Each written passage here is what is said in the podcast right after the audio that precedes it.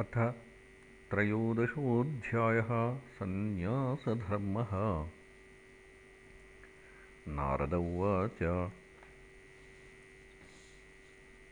कल्पस्त्वेवं परिव्रज्य देहमात्रावशेषितः ग्रामैकरात्रविधिना निरपेक्षश्चरेन्महीं बिभ्रूयाद्यद्यसौ वासः कौपीनाच्छादनं परं त्यक्तं न लिङ्गदण्डादेरन्यत् किञ्चिदनापदि। एक एव चरेद्भिक्षुरात्मा रामोऽनपाश्रयः सर्वभूतसुहृच्छान्तो नारायणपरायणः पश्येदात्मन्यदो विश्वं परे सदसतोऽव्यये आत्मानं च परं ब्रह्म सर्वत्र सदसन्मये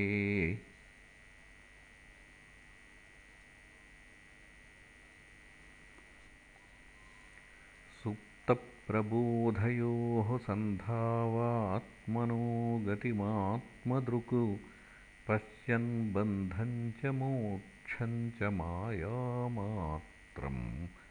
न वस्तुतः नाभिनन्देद्ध्रुवं मृत्युमध्रुवं वास्य जीवितं कालं परं प्रतीक्षेतभूतानां प्रभवाप्ययम्। नासच्छास् ेषु सज्जेत नोपजीवेत जीविकाम् वादिवादांस्त्यजेत्तर्कान् पक्षं कञ्च न संश्रयेत्। न शिष्याननुबध्नीतग्रन्थान्नैवाभ्यसेद्बहून् न व्याख्यामुपयुञ्जीत नारम्भानारभेत्क्वचित् न यतेराश्रमः प्रायो धर्महेतुर्महात्मनः। शान्तस्य समचित्तस्य बिभ्रूयादुत वा अव्यक्तलिङ्गो व्यक्तार्थो मनीष्युन्मत्तबालवत् कविर्मूकवदात्मानं सदृष्ट्या दर्शयेन्नृणाम्। अत्राप्युदाहरन्तीममितिहासं पुरातनं प्रह्लादस्य च संवादं मुनेराजगरस्य च तं शयानं धरोपस्थे कावेर्यां सह्यसानुनि रजस्वलैस्तनूदेशैर्निगूढामलतेजसं ददर्शलोकान् विचरन् लोकतत्त्वविवित्सया वृतो मात्यैः कतिपयैः प्रह्लादो भगवत्प्रियः। कर्मणाकृतिभिर्वाचा लिङ्गैर्वर्णाश्रमादिभिः न विदन्ति जनायं वै। सोऽसाविति न वेति च। तं नत्वाभ्यर्च्य विधिवत्पादयोः शिरसा स्पृशन्। विवित्सुरिदमप्राक्षीन्महाभागवतोऽसुरः बिभर्षिकायं पीबानं सोद्यमो भोगवान् यथा। वित्तं चैवोद्यमवतां भोगो वित्तवतामिह भोगिनां खलु देहोऽयं पीवा भवति नान्यथा। न ते शयानस्य निरुद्यमस्य ब्रह्मन्नु हार्थो यत एव भोगः। अभोगिनोऽयं तव विप्रदेहः पीवायतस्तद्वद नः क्षमं चेत्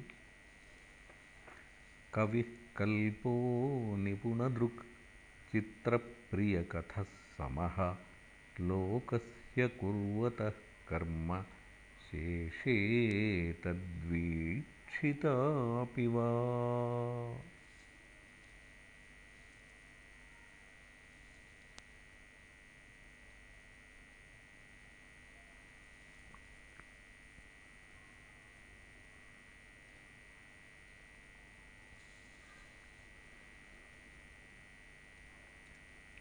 नारद उवाच स इत्थं दैत्यपतिना परिपृष्टो महामुनिः स्मयमानस्तमभ्याह तद्वागमृतयन्त्रितः।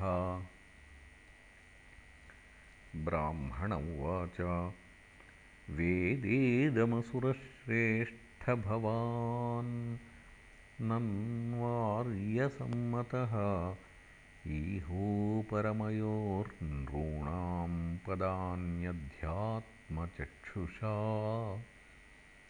यस्य नारायणो देवो भगवान् हृद्गतः सदा भक्त्या केवलया ज्ञानं धुनोति ध्वान्तमर्कवतु। अथापि ब्रूमहे प्रश्नांस्तव राजन् यथा श्रुतं सम्भावनीयो हि भवानात्मनः शुद्धिमिच्छता।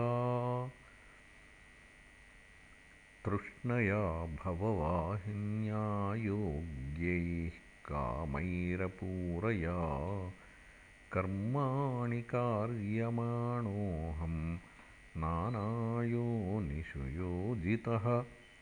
यदृ च्छया लोकमिमं प्रापितः कर्मभिर्भ्रमन् स्वर्गापवर्गयोर्द्वारं तिरश्चां पुनरस्य च अत्रापि दम्पतीनां च सुखायान्यापनुत्तये कर्माणि कुर्वतां दृष्ट्वा निवृत्तोऽस्मि विपर्ययम्।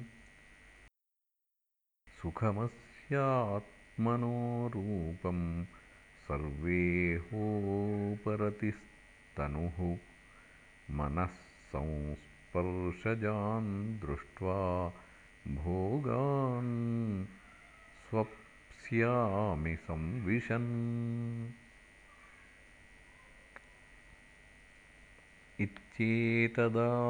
इत्येतदात्मनस्वार्थं सन्तं विस्मृत्य वै पुमान् विचित्रामसति द्वैते घोरामाप्नोति संसृतिं। जलं तदुद्भवैश्छन्नं हित्वाज्ञो जलकाम्यया मृगतृष्णामुपाधावेतु यथान्यत्रार्थदृक्स्वतः देहादिभिर्दैवतन्त्रैरात्मनः सुखमीहतः। दुःखात्ययञ्चानीशस्य क्रियामोघाः। कृताः कृताः।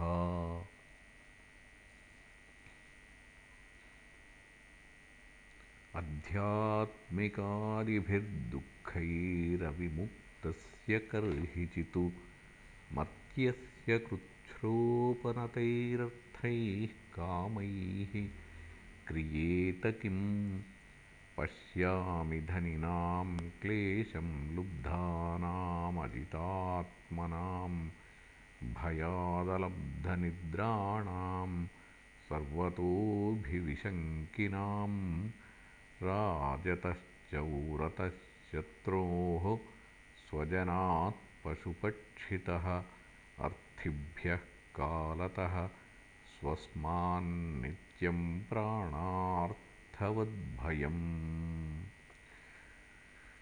शोकमोहभयक्रोधरागक्लैब्यश्रमादयः यन्मूलाः स्युर्नृणां जह्यातु स्पृहां प्राणार्थयोर्बुधः मधुकारमहासर्पौ लोकेऽस्मिन्नो गुरूत्तमौ। वैराग्यं परितोषं च प्राप्ता यच्छिक्षया वयम्। विरागः सर्वकामेभ्यः शिक्षितो मे मधुरतातु कृच्छ्राप्तं मधुवद्वित्तं हत्वाप्यन्यो हरेत्पतिम् अनीहः परितुष्टात्मा यदृच्छोपनतादहं नो चेच्छये बह्वहानि महाहिरिवसत्त्ववान्। क्वचिदल्पं क्वचिद्भूरि भुञ्जेन्नं स्वाद्वस्वादु वा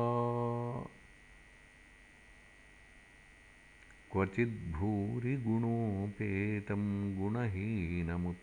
क्वचित्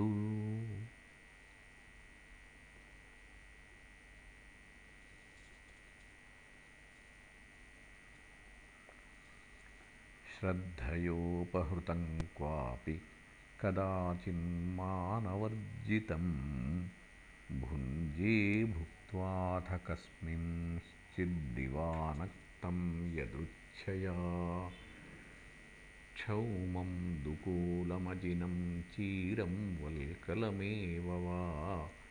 वसेन्यदपि सम्प्राप्तं दिष्टभुक् तुष्टधीरहम् क्वचिच्छयेधरोपस्थे तृणपर्णाश्मभस्मसु क्वचित्प्रासादपर्यङ्के कशिपौ वा परेच्छया। क्वचित्स्नातोऽनुलिप्ताङ्गः सुवासाः स्रग्व्यलङ्कृतः रथे भाश्वैश्चरे क्वापि दिग्वासाग्रहवद्विभो नाहं निन्दे न च स्तौमि स्वभावविषमं जनम् एतेषां श्रेयाशासे उतैकात्म्यं महात्मनि। विकल्पं जुहुयाच्चित्तौ तां मनस्यर्थ विभ्रमे मनोवैकारिके हुत्वा तन्मायायां जुहोत्यनु। आत्मानुभूतौ तां मायां जुहुयात्। सत्यदृङ्मुनिः ततो निरीहो विरमेत्। स्वानुभूत्यात्मनि स्थितः स्वात्मवृत्तं मयेत्थन्ते सुगुप्तमपि वर्णितं व्यपेतं लोकशास्त्राभ्यां भवान् हि भगवत्परः। नारद उवाच धर्मं पारमहंस्यं वै मुनेः श्रुत्वा सुरेश्वरः पूजयित्वा ततः प्रीत आमन्त्र्य गृहम्। इति श्रीमद्भागवते महापुराणे पारमहंस्यां संहितायां सप्तमस्कन्धे त्रयोदशोऽध्यायः